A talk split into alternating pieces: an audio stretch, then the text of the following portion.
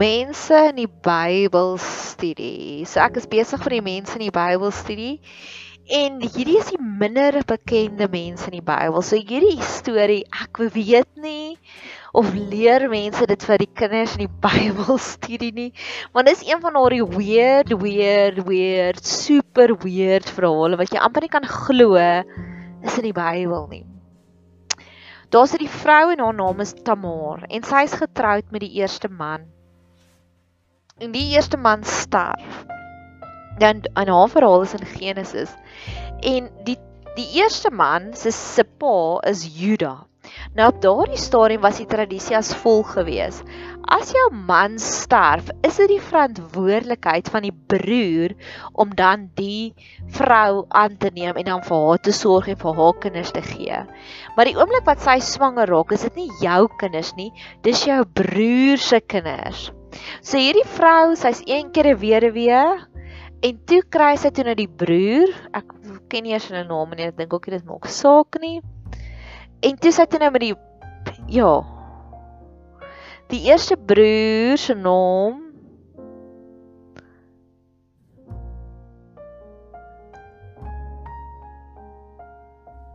Er, Er.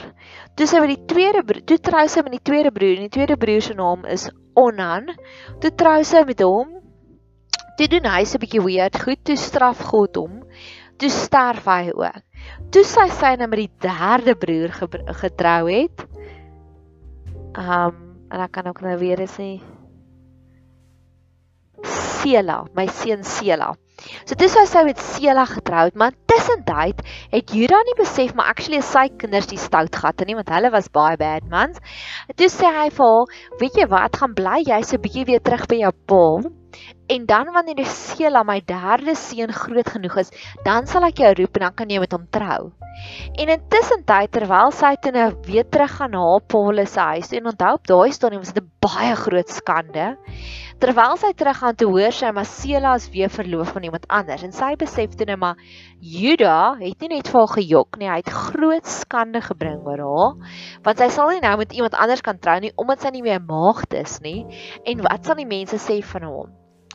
toe doen sy iets verskriklik. Toe trek sy haarself as 'n prostituut aan en sy gaan na die rooi ligte strik toe, die walletjie straat van Israel of die Hillbrow van Israel of die Sunnyside en sy gaan staan daar en daar kom Juda verby en hy sien hierdie vrou en sy sê vir hom: "Ooh, kom is ek en jy" en sy verlei hom en hulle slaap saam.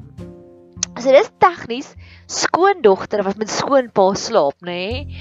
Ek meen dit is so 'n bizarre geval, nê? Nee? En skoondogter slaap by skoonpa en daarna is 'n skoondogter toe nou swanger. O, maar voor, voordat sy swanger is, sê hierdie Juda vir haar weet jy wat, ek het nie nou geld by my nie en sy sê vir hom, dis okay, los jou baadjie en los jou seelring hier by my. En jou seelring op daai stadium was soos 'n ID, nê? Nee? So jy weet soos baie kere wanneer mense na 'n kroeg toe gaan en jy maak 'n open tab oop en jy los dalk jou kar se sleutels en jou ID daar. Dis wat sy vir hom sê. Sy sê los dit hierso en as jy geld het dan kom soek jy my weer en dan kom betaal jy my. En hulle albei gaan ter huis toe en 'n paar dae later stuur hy weer mense terug en niemand kry die vrou nie. En 'n paar maande later hoor hy sy skoondogter is swanger en hy's woedend en hy sê bring haar hier ons gaan haar moet verbrand en daar's sekere teorieë wat sê sy sou net 'n brandmerk opgekry het van 'n scarlet letter om te sê sy's nou 'n hoer sy's 'n prostituut en daar's ander wat sê nee hulle sou haar letterlik lewendig verbrand het En hy hy's baie kwaad en hy sê hoe kan sy dit? Hoe durf sy dit om dit te doen? En sy sê vir hom jy's die Paul en sy wys hom met sy ID boek en hy sê oepsie dis okay. En dis die einde van die storie en hy sê dan hy is jammer en sy sy woorde is she is more righteous than I am want hy besef hy twee van God se wette gebreek en hy besef sy sou dit nie gedoen het as sy nie in so blik gedruk was om haar eie naam te beskerm nie. Want met die feit dat sy swanger is, weet sy hy sal haar neem onder sy naam. So met ander woorde, hulle het nooit weer gemeenskap gehad nie, maar al wat sy op soek was net was net 'n man wat haar dan kan versorg ten minste dat sy nie meer 'n las is vir haar eie familie nie en sy twee kinders gekry daaruit.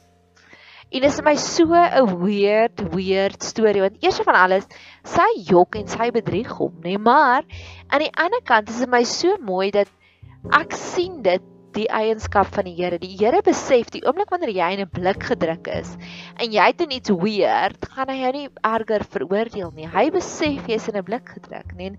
Wat 'n mooi eienskap is dit nie net van die Here nie. Ek seker daarvan ek het dit al baie van mense gesê. Jude ag Tamar het nie eendag wakker geword en gedink, "Mmm, ek het hierdie vieslike komplot nie." Nee, dis juis omdat sy in so 'n weird, weird omstandighede was, nê? So God het soveel grace met haar. Hy veroordeel haar glad nie. Inteendeel, nie net veroordeel hy haar nie. Hy sit daar in sy Guinness Book of Records in die Bybel en hy spreek met haar. Alles in die Bybel is deur God geïnspireer. En God het alles hier gekies. Jy weet soos as jy ietsie gedoen het wat eintlik dodgy is, dan hoop jy eintlik almal vergeet daarvan en niemand hoor daarvan nie. Dis nie God is nie. God is so trots op Juda, op Tamar, dat hy plaas dit in die Bybel. En having said that, om te weet dat ons dien hierdie God met 'n krisisse gee God amper vir ons 'n toestemming om weer en cheeky op te tree. Ek love dit. Ek love dit, ek love dit. Die tweede ding is Juda het uitgefreek toe hy hoor sy is swanger. En weet jy wat? Daar's baie Bybelkommentare wat sê gewoonlik die een wat skuldig is, is die een wat gewoonlik die hardste geluide maak.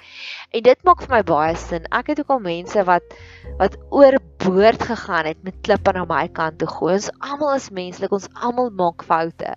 Maar is gewoonlik die mense wat ietsie het om weg te steek wat die ergste ooreageer. So mag ons dit ook dalk raak sien. En die tweede ding is ek love die wille weird uitweg wat God hierso celebrate.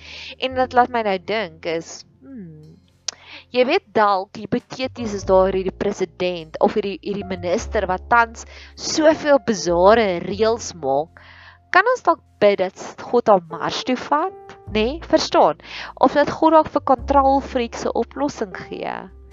En ek glo vir control freaks is die beste oplossing is dat God net daardie liefde oneindig sal deponeer in hulle harte in. En ek het nog 'n verhaal van 'n weird en 'n crazy manier en hoe God my daarop geseën het. Daar's hierdie um Jane Goodall het saam met die sjimpansees gebly en sy het hulle bestudeer en so het Eugene Maret ook saam met die ape gebly en hulle gebestudeer. En keer op keer wanneer ek in die teenwoordigheid is van regtig dwaase mense. In plaas daarvan dat hulle my kwaad maak of as dit hulle my ontstel, sal ek net bid, Here, Ek voel nou soos Jane Goodall, so ek gaan nou net not, notas maak. Want dis wat Salomo gedoen het. Salomo het die hele tyd hierdie kontrak geskryf van dwaase mense, dis so hulle reageer. Slim mense, wyse mense, dis so hulle reageer. Dwaase mense, dis so hulle reageer. Slim mense, dis so hulle reageer. So dan sal ek net vir myself sê, "Goed, Nadia, jy is ook nou maar net besig om mense te bestudeer." En dit het my nou al keer op keer gehelp en my gerustig laat voel. En oor die naweek praat ek en my vriendin ons kyk gou-gou na 'n boekrak na iets en hierso val daar so 'n pamfletjie uit en sy sê, "Ooh, dis wat ek nog wil doen." En toe sit hierdie pamfletjie van hoe om tyd te gaan speer spandeer saam met Jane Goodall en haar chimpansees en ek sê, oh, "Wow, dis net so 'n bevestiging." Nee, want as ek dit vir te veel mense sê, maar wat ek basies so mense sê is jy soos 'n chimpansee, jy soos 'n aap, nê? Nee. ek bestudeer jou soos 'n aap. Verstaan, maar dis amazing hoe God daai van al die pamflette wat mis uitval uit my vriendin se boekrak uit het dit gebeur en dit voel vir my soos 'n bevestiging. So dis die verhaal van Tamar en hoe God net weird weird dinge toelaat. En dan die laaste enetjie waaroor ek wil gesels is die gesels van Theophilus, maar ek gaan natuurlik begin met 'n liedjie.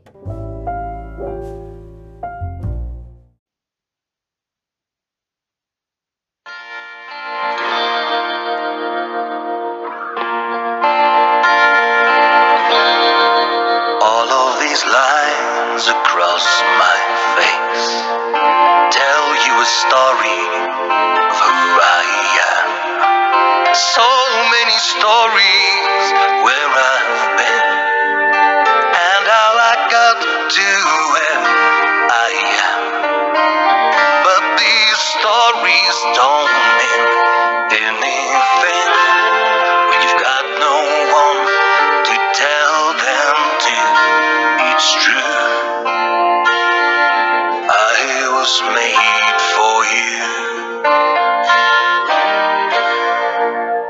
climbed across the mountain tops, swam across the ocean blue, crossed all the lines and I broke all the rules. Baby, I broke